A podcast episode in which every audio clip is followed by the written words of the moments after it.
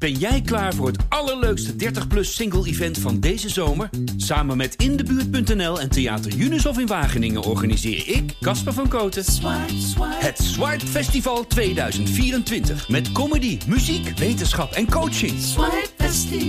Maar vooral heel veel leuke mensen. Bestel nu je kaart op swipefestival.nl. Swipe, swipe. Dit is Ondertussen in de Kosmos, de wekelijkse wetenschapspodcast van de Volkskrant. Mijn naam is Tony Mudde en we gaan het vandaag hebben over hoe AI, kunstmatige intelligentie dus, de gezondheidszorg in rap tempo aan het veroveren is. En dat kan wel eens grote gevolgen hebben voor zowel de arts als de patiënt. Ik ga het erover hebben met onze zorgverslaggever Michiel van der Geest, die voor de krant op zoek ging naar mooie voorbeelden van AI in de zorg. En één zo'n voorbeeld vond hij bij Jessica Workum, intensivist in het Elisabeth II Steden ziekenhuis in Tilburg. Jessica, om uh, met jou te beginnen, uh, net als vele anderen, waaronder ik zelf ook, ging jij ChatGPT uitproberen toen dat net online kwam. En uh, nou ja, dan ging ik hem gebruiken om eens te kijken of hij een Sinterklaas gedicht kon schrijven en of hij een tekst kon samenvatten. En scholieren die gaan dat dan gebruiken om, kijken, om te kijken of ze hele essays voor school kunnen schrijven. Maar ja, jij als IC-arts, als intensivist, wat deed jij met ChatGPT? Um, ja, ChatGPT is nog maar een jaar oud. En toen ik het in het begin ben gaan gebruiken, toen was ik helemaal mindblown met wat het allemaal kan. Um, ik ben het eerst gaan gebruiken, niet met echte patiëntdata natuurlijk, maar wel op een manier dat ik nu niet meer zo snel zou aanraden. En dat is om ChatGPT zelf gewoon een patiëntencasus voor te leggen en is om te kijken hoe ver die komt. En dan komt hij eigenlijk super ver dus als ik normaal gesproken met een beginnende dokter, een artsassistent, um, een patiëntencasus doorneem, dan begin ik met vragen van, goh, wat heeft de patiënt voor klachten en welke vragen zou je verder stellen? Mhm. En dan ga je zomaar door om te kijken of je tot een diagnose kan komen. En als je uiteindelijk tot een diagnose komt, dan wil je natuurlijk weten of die artsassistent tot een goede behandeling kan komen. En zo kan je super diep gaan. En dat deed ik met ChatGPT. En ja, dat deed hij hartstikke goed. En dus was ik meteen helemaal onder de indruk van de mogelijkheden en ook van de potentiële mogelijkheden voor de zorg. En, eh, maar dan even een voorbeeld. De, nou, ik ga gewoon zeggen iets wat ik zelf een keer heb gehad. Ik kreeg een enorme koorts en ik had uh, pijn uh, ongeveer hier onder het middenrif. En dat werd in een paar uur werd dat uh, heel veel erger. Dat ik bijna meer, amper meer de auto in kon stappen. En toen ging ik naar het ziekenhuis. En nou ja, wat zou een dokter dan vragen? En wat kan ChatGPT dan doen? Ja, dus hè, je, je geeft aan dat je specifieke pijn hebt um, in je buik en koorts. Dus dan zou ik als dokter meer vragen over wat voor soort pijn is dat dan. He, je noemt al hoe lang het bestaat, maar is dat een stekende pijn of een, of een zeurende pijn? Um, moet je bewegen? Wordt het dan beter? Of kan je juist helemaal niet bewegen? Dat, dat soort type vragen helpen allemaal met erachter komen wat er aan de hand kan zijn. Mm -hmm. Want er gaat al een enorme lijst van, van dingen door je hoofd, zoals een niersteen met daarbij een nierbekkenontsteking of een probleem met de darmen. Um, ja, dat kan je dus ook op die manier aan ChatGPT vragen. En um, krijg je op die manier ook antwoord. En dan kan je ook vragen, goh, wat voor een aanvullende onderzoeken zou je dan willen doen? En dan krijg je een antwoord als, nou, ik zou bloedonderzoek doen en dan specifiek een nierfunctie. Um, of ik zou urineonderzoek doen met specifiek kijken naar of er uh, nitriet aanwezig is en leukocyten, dat zijn witte bloedcellen in de urine, om te kijken of er aanwijzingen zijn voor ontsteking. Dat soort, dat, zo sparren met een artsassistent kan je ook met ChatGPT doen. En dan kan je daarna ook dan tegen ChatGPT zeggen van... En, en dit kwam er uit het bloedonderzoek, wat zou je nu doen? Ja, absoluut. Absoluut. Sterker nog, ik heb ChatGPT meermaals op het verkeerde been gezet. Um, dus door een klachtenpatroon wat niet helemaal typisch is voor de ene diagnose of de andere diagnose te geven, ja, dan geeft hij gewoon aan wat meer en minder waarschijnlijk is.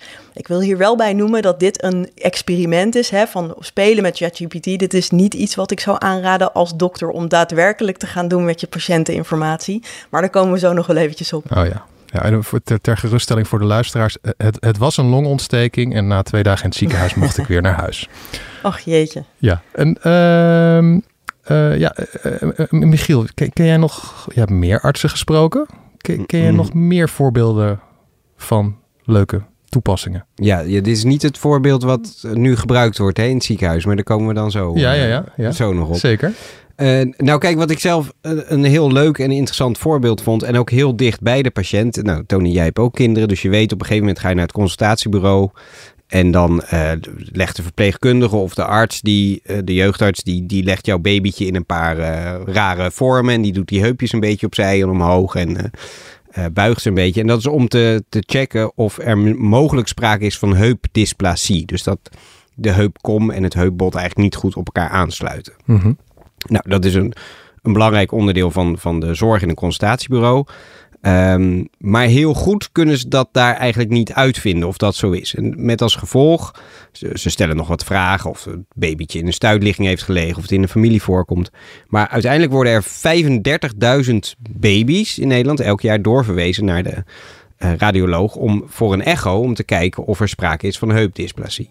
Mm Nou, dat is maar bij 1 op de 7 van al die baby's die wordt doorgestuurd. Dat is een hoop vals alarm dus. Een hele hoop vals alarm. Ja, ja. tienduizenden gaan er eigenlijk voor niks uh, naar het ziekenhuis. Nou, dat heeft natuurlijk allemaal werkdruk en kosten, uh, brengt dat met zich mee. Nou, nu is er in Nijmegen, heeft een, een, een arts-onderzoeker, heeft een, een toepassing ontwikkeld om zo'n echoapparaat, want vroeger, je kent hem nog wel, is zo'n ding op wieletjes, weet je wel, die kost een ton en dat is zo'n uitgebreid echoapparaat. Maar je hebt ze tegenwoordig ook die je gewoon op je mobiele telefoon kan aansluiten. Super kleine apparaatjes. Um, dus die, die, die zou je makkelijk naar het consultatiebureau kunnen uh, brengen. Volgende probleem: een echoscopist heeft vaak opleiding nodig van maanden. Want het is best ingewikkeld. Je ziet 3D-dingen in 2D. Uh, nou ja, je kan lang niet alles zien. Dus dat, dat vergt gewoon training en Ik opleiding. vond het ook altijd heel ingewikkeld om dat goed te kunnen zien, ja. Ja, ja, ja, nee, op een gegeven moment zie je iets knipperen en denk je, oh, dat is het hartje. Maar, ja. maar verder houdt het ook wel een beetje op. Precies. Uh, en ze zwaaien af en toe. Ja. Zie je ook. Maar goed, dus, dus dat is ingewikkeld. Maar nu is er dus een, uh, een, een toepassing ontwikkeld. Waarbij de uh, jeugdarts eigenlijk in een uur kan leren van hoe gebruik ik eigenlijk zo'n echokop. Hoe, zet ik, hoe leg ik het babytje neer en hoe zet ik dat, die echokop op het heupje van het babytje. Mm -hmm. Dan geeft die applicatie op je mobiele telefoon, zegt nou, een beetje naar links, beetje naar rechts. Hè? Ja. Dus zo'n beetje zoals je zo'n panoramafoto maakt op je telefoon, weet je wel. Dan zegt hij toch ook, dan moet je zo draaien en dan zegt hij een beetje naar boven, een beetje naar beneden. Ja, nou, dat stel ik me er een beetje bij voor. Ja.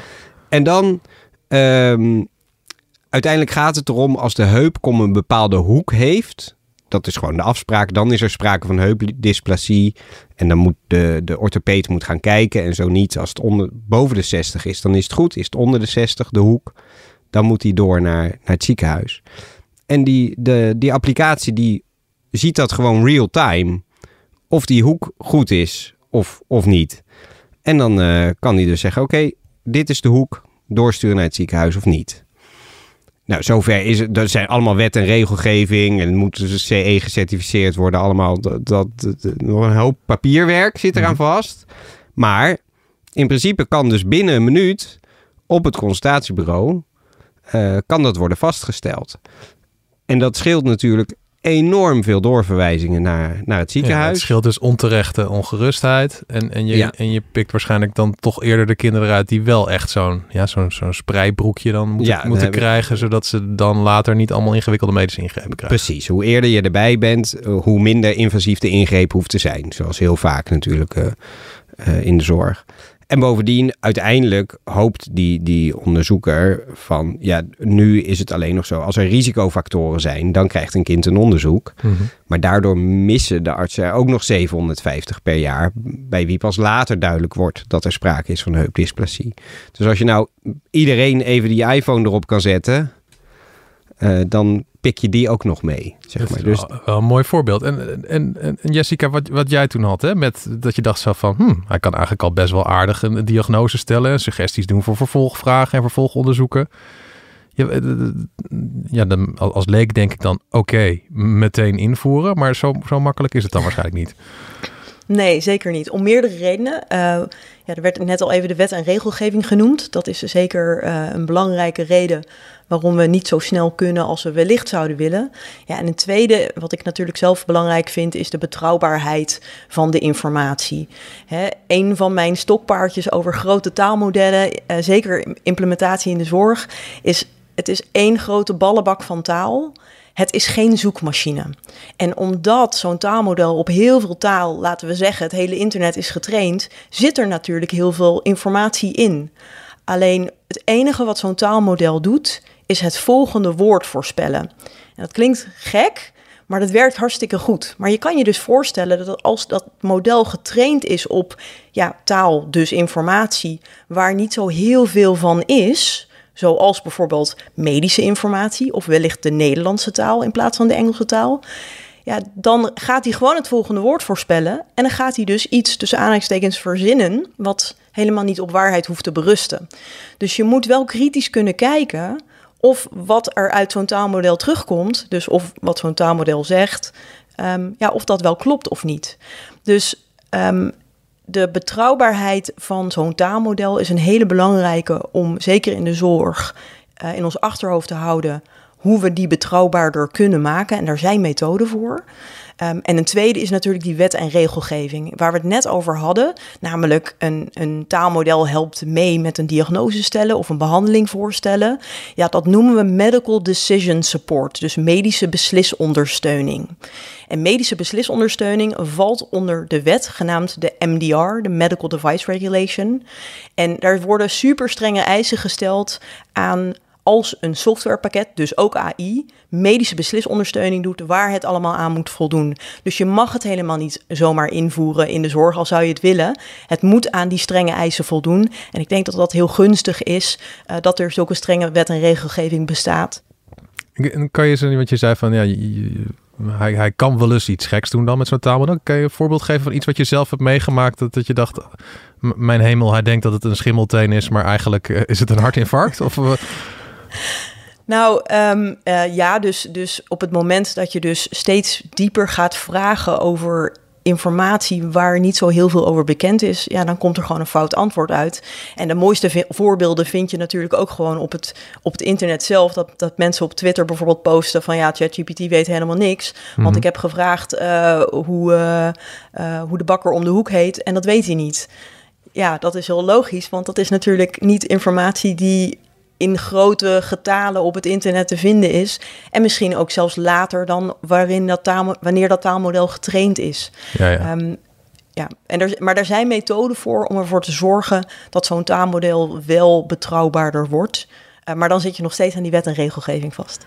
En ik zit te denken, want we, we, we hebben hier in de journalistiek ook allemaal regels over hoe we AI wel en niet mogen gebruiken. Dus bijvoorbeeld dat altijd een mens de laatste check moet hebben en eindverantwoordelijk moet zijn. Uh, maar ik, ja, ik ken collega's die wel eens, die hebben dan, ik noem maar wat, een interview met een minister. En die denken dan, gebruiken hem dan eigenlijk als een soort brainstorm hulpje van, uh, bedenk jij nog eens even tien leuke vragen. Nou, dan zijn er ze negen ervan, of die hebben ze zelf al bedacht, of denken ze als niks. En die tien denken ze, oh ja, nou dat brengt me op het idee van dit en dit. En wat jij nu omschrijft, hoe ChatGPT dus ja, wel uh, ja, een soort vragen en antwoorden kan geven bij medische diagnoses. Zou je hem daar wel bij mogen gebruiken? Dus dat jij eindverantwoordelijk bent en jij stelt de diagnose, maar als je denkt van ja, ik weet het even niet zo goed, uh, als een soort brainstorm hulpje met wat zou hier aan de hand kunnen zijn bij deze patiënt, mag dat wel? Ja, dus die MDR die is niet voor individuen, die is voor bedrijven. MDR? dat betekent dus dat ja, sorry, die Medical Device Regulation, die wet en regelgeving die hierover gaat. Um, en dat betekent dat ik qua wet en regelgeving mag ik als individuele dokter prima aan ChatGPT een diagnose vragen. Mm um, maar de vraag is of dat verstandig is om de redenen die ik eerder genoemd heb, hè, de betrouwbaarheid daarvan. Ja. Um, weet dat je altijd zelf verantwoordelijk blijft. Hè? Ook als, als dokter. De ChatGPT gaat niet voor tuchtrecht gesleept worden, dat ga jij. Ja. ja, en twee, bedenk je ook even wat er met die informatie gebeurt. Hè? Dus in essentie, als we het hebben over ChatGPT van OpenAI, in essentie gaat dat model hertrainen met de informatie die hem geeft. En dat betekent dus dat als ik informatie geef aan ChatGPT, dat mijn informatie in de grote ballenbak van informatie terechtkomt en dat iemand dat dus eruit zou kunnen vissen, zowel OpenAI als de buurman. Als je dat dus doet met persoonsgegevens, dan ben je gebonden aan de AVG. Maar als je dat doet met patiëntgegevens, dan doorbreek je dus je beroepsgeheim, hè, de WGBO. Dus ik vind het uiterst onverstandig om dat te doen met patiëntgegevens. Mhm. Aan de andere kant kan het wel helpen, inderdaad, wat jij zegt, mij brainstormen, het op een, op een, hè, je op een andere manier laten denken. Ehm, dus ik zou zelf altijd terughoudend zijn met het geven van daadwerkelijke patiënteninformatie aan ChatGPT in dit geval. Ehm, maar je kan natuurlijk wel het gebruiken als tool om je te helpen ehm, als dokter. En is dat ook al wel eens gebeurd bij jou? Dat je dacht zo van, nou, ik, ik heb hier iets aan gehad aan ChatGPT, eh, de, de, het antwoord dat hij gaf?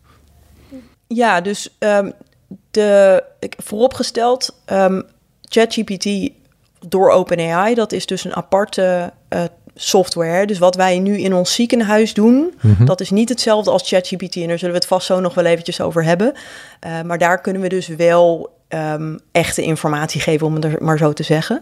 Ehm, als je het hebt over puur ChatGPT, van ik, ik, eh, ik wilde graag brainstormen over een casus met ChatGPT. Ja, dat heb ik wel eens gedaan. Dan haal ik dus alle identificerende eh, informatie weg. Mhm. En zorg ik ook dat ik alleen probeer geholpen te worden in, eh, in wat kan er aan de hand zijn. Ik zal niet mijn beslissingen voor behandelingen natuurlijk maken op basis van een taalmodel. Ja. Maar je kan je wel voorstellen ehm, dat, waar ik net al over had, hè, je kan wel op manieren ervoor zorgen dat je de correcte informatie uit zo'n taalmodel haalt. En één voorbeeld is dat je de kracht van het taalmodel, dus het herstructureren van tekst, het, het herschrijven van tekst, het vertalen van tekst, dat je dat combineert met een zoekfunctie. Dat kan ChatGPT namelijk ook, maar daar heb je ook andere tools voor die echt zoeken op PubMed dan. Hè? Dus dat is de medische inform- en wetenschappelijke informatiebank. En daar zijn ook Nederlandse initiatieven zoals Evidence Hunt, maar ook internationale initiatieven zoals Elicit of Perplexity. Ja, en die combineren de kracht van een taalmodel met de medische informatie die je dus kan vinden. Ah, ja. En dan helpt het echt enorm mee. Dus ik zou het zelf nooit uit de ballenbak van ChatGPT halen. Maar alleen op het moment dat je dan kan herleiden. Oké, dit is uit deze studie gekomen. Of dit is uit eh, deze informatiebron gekomen. Zodat ik kan checken of wat er staat klopt. Dus eigenlijk een soort ja, gespecialiseerde ChatGPT speciaal voor artsen, die dan ook nog duidelijk laat zien waar die dan die informatie vandaan haalt. Dan met duidelijke Ja. bronnen. Ja. Misschien moeten we gewoon nog een leuk voorbeeld doen, Michiel. Want jij hebt, jij hebt best wel wat artsen gesproken hierover. Heb je er nog eentje? Ja, ja ik, heb, ik heb best wat artsen gesproken. En die staan eh, de- zonder uitzondering, dat was heel leuk aan dit artikel, eigenlijk allemaal te stuiteren van enthousiasme. Omdat ik heb aan iedereen gevraagd, van, ja, kon je dit drie jaar geleden nou voorstellen dat dit kon? En allemaal zeggen ze, nee, ja, nee, dit gaat zo snel. En, en ja, toen ik hiermee begon, was het wel ooit misschien een doel ver weg of zo. Maar nu zijn we hier al eh, zover. Bijvoorbeeld in eh, Utrecht, eh, de, de UMC daar, in samenwerking met Prinses Maxima Centrum, het, het kinderkankerziekenhuis.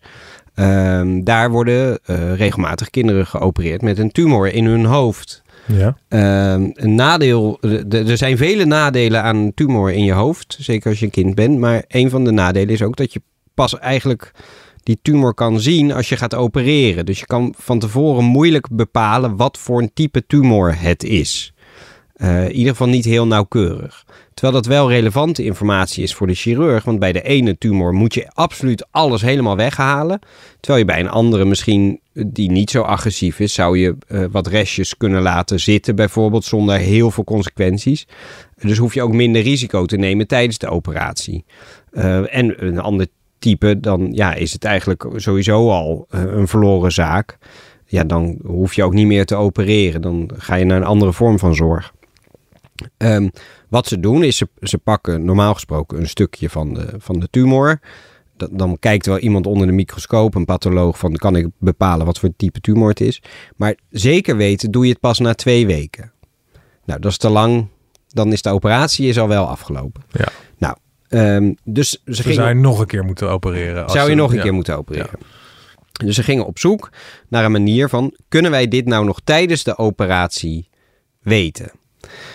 Ehm, wat ze nu doen is... je, je hebt een apparaatje dat heet een, een min, minion... of een minion, zoals dat tekenfilmfiguurtje. Mhm. Eh, Het ziet eruit als een soort niet-machine... en daar kan, die kan DNA eh, aflezen. Eigenlijk die, die, die, die trekt mole- of, ja, eh, molecuul voor molecuul of DNA, dingetje voor DNA, dingetje door een heel klein gaatje. En die leest dan aan de elektrische stroompjes af eh, eh, wa- wa- wa- wat voor DNA het is. Die, die kan, dan kan je de DNA sequencen.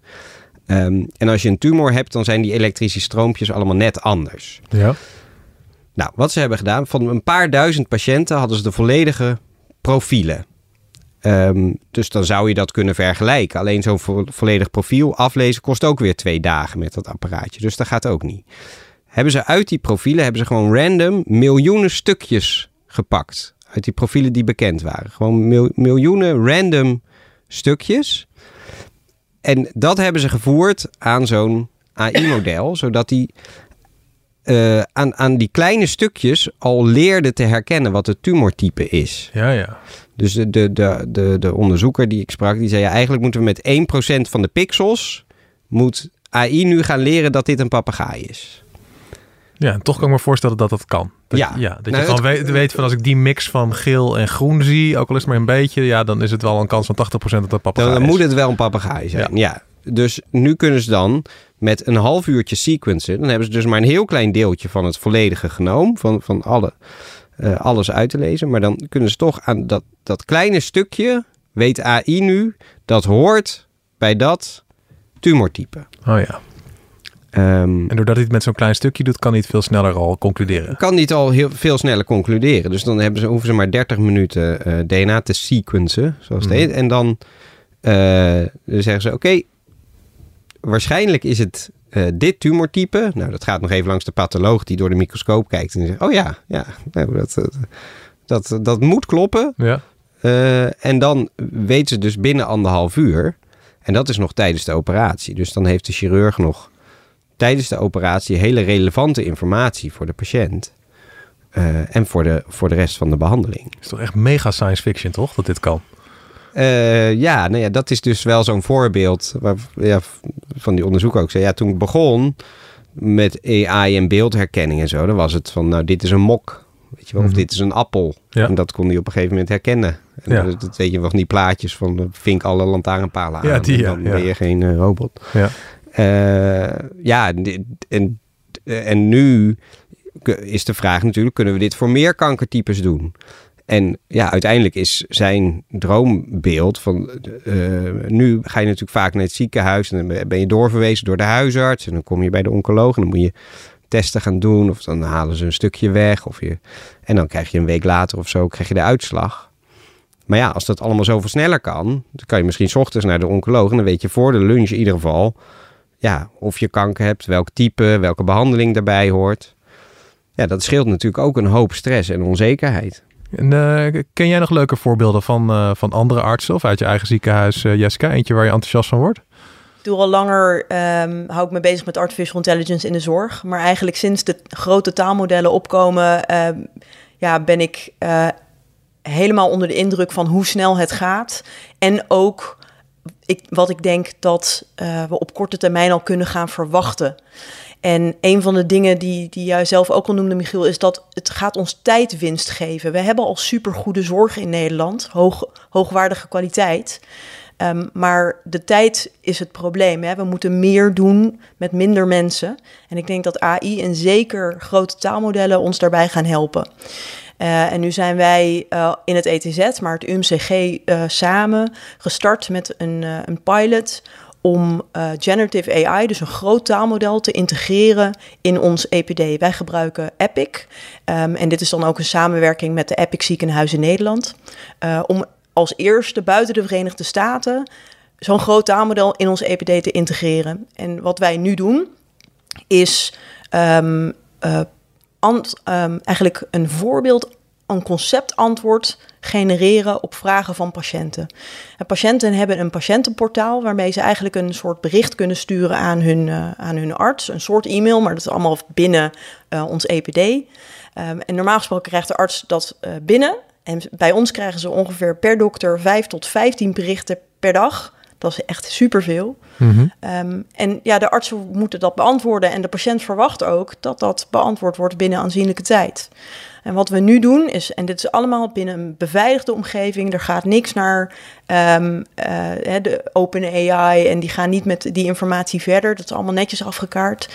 Maar uh, zo'n patiëntbericht gaat naar zo'n taalmodel binnen onze eigen omgeving. Daar gaat relevante patiëntinformatie mee. Dus als een patiënt een vraag heeft over allergieën, gaat er allergieëninformatie mee.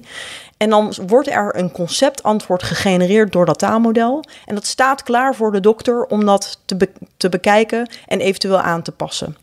Uh, je moet je het een beetje voorstellen dat als jij een e-mail krijgt van iemand en je wil op antwoorden drukken, dat er dan al een antwoord voor je klaar staat die je alleen maar hoeft te checken.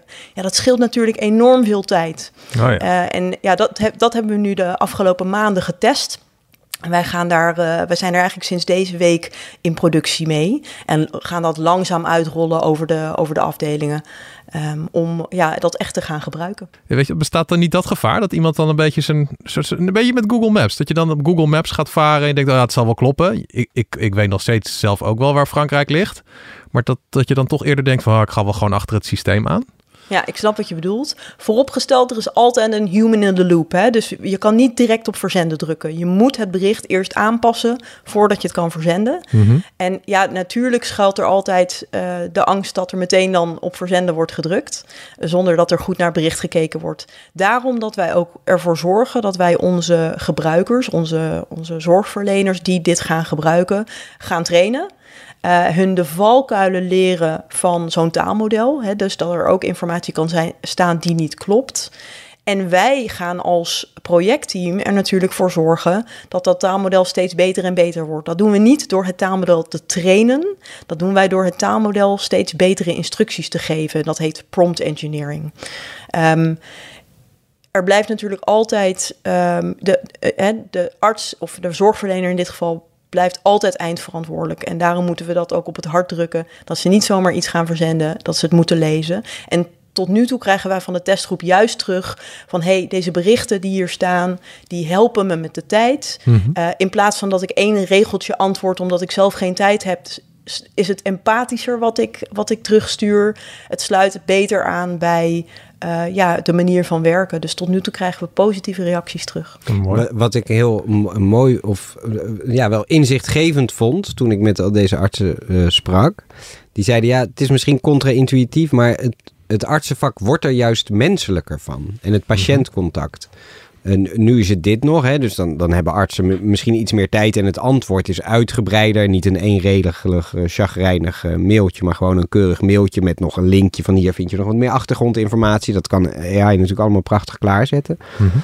Maar uh, Jessica, en haar collega vertelde me ook, ja, misschien gaan we wel toe naar dat AI eigenlijk meeluistert tijdens een gesprek tussen arts en patiënt en alle relevante gegevens al op de juiste plek in het patiëntendossier zet.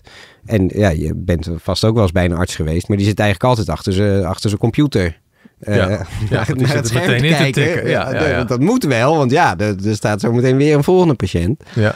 Uh, maar ja, wat nou als hij gewoon bij jou aan tafel kan zitten en op de achtergrond uh, regelt AI wel uh, dat het op de goede manier in het dossier komt? Een soort robotnotulist die dan altijd met je meegaat. Moet ik het zo zien? Ja, maar, maar meer dan dat. Hè? Als, ik, als ik toch even een toekomstbeeld mag schetsen. Mm -hmm. um, op het moment dat. Dus ik ben geen polyklinische dokter. Dus ik heb niet patiënten in de spreekkamer. Ik heb um, patiënten op de intensive care. En um, wat wij iedere ochtend doen, is uh, langs de bedden lopen met de artsassistent, dus met de zaalarts, met de verpleegkundige, de patiënt natuurlijk. En dan nemen wij door um, hoe het met die patiënt gaat en wat het plan wordt van de dag, wat de problemen zijn, et cetera. Dat noemen we visite lopen. Stel je nu voor dat ik een kamer opkom en de kamer herkent hey, de specialist is op de kamer, we gaan visite lopen. En vervolgens gaat er een soort Alexa, Google Home, maakt niet uit, een opnameapparaat. Die gaat dat opnemen, wat wij allemaal vertellen. Die herkent ook wie de verpleegkundige is, wie de artsassistent is, et cetera. Dan zijn wij bezig met overwegingen, met, met discussies voeren, met um, lichamelijk onderzoek doen en dat hardop vertellen wat je bevindingen zijn. En in de tussentijd wordt een notitie al gemaakt, maar dat niet alleen worden ook de orders klaargezet. Toen ik zei, hey, om 12 uur moeten we eventjes een bloedcontrole doen. En dan wordt dat er al ingezet. Dan moet ik aan het einde van mijn visite alleen controleren wat er staat, dus de notitie die gemaakt is, die ook gestructureerd gemaakt is, hoef ik alleen maar te controleren. En ik hoef alleen maar te controleren of de orders die ik hardop benoemd heb, of die, uh, of die kloppen. De overwegingen staan erin, et cetera. Ja, ik denk dat dat de zorg verbetert. Ik denk dat er minder dingen vergeten worden. En ik denk dat er meer tijd is voor juist de discussie, voor tijd voor de patiënt, uh, tijd voor de familie. Um, en dit is, dit klinkt als verre, verre toekomstmuziek. Maar ik weet dat Epic hier al mee bezig is. Ja, dit is, dit gaat er aankomen. En daarom vind ik het belangrijk en ben ik ook heel trots dat we dit in Nederland als eerste land buiten de Verenigde Staten mogen doen. Mm Want we moeten klaar zijn, we moeten de infrastructuur maken om ervoor te zorgen dat als deze technologie onze kant op komt, dat we dat ook meteen kunnen benutten. Ik vind het uh, prachtige slotwoorden. Of doen we, doen we nog één leuk voorbeeldje?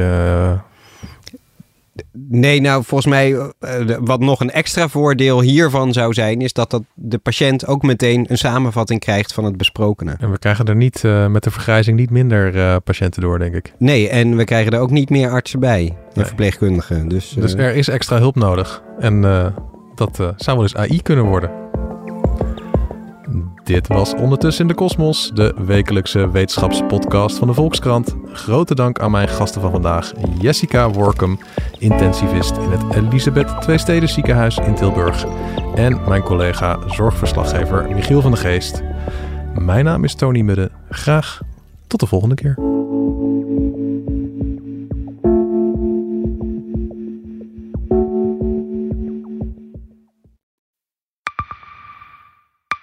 Zijn leven is overhoop gegooid.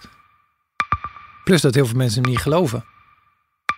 Vrienden niet, die, die denken, ja, hij is gewoon gek geworden. Hoe naar moet dat zijn?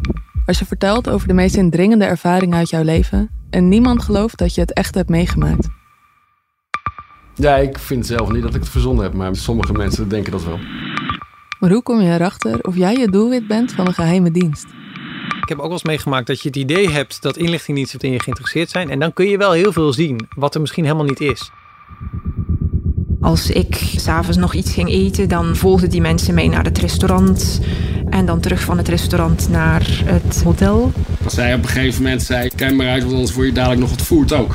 Shit, ik moet hier weg. Dat is, dat is niet goed. Nu word ik gevolgd. Een soort Truman Show is het gewoon. Hè?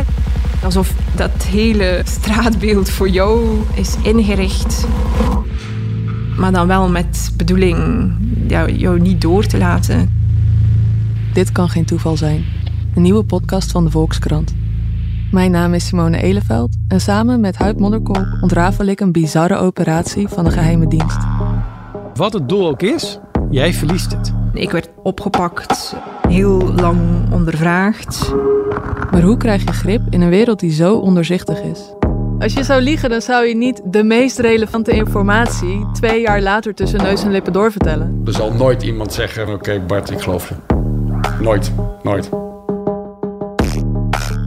Dit kan geen toeval zijn. Vanaf 3 oktober bij de Volkskrant. Ik weet niet of ik ook alles kan vertellen.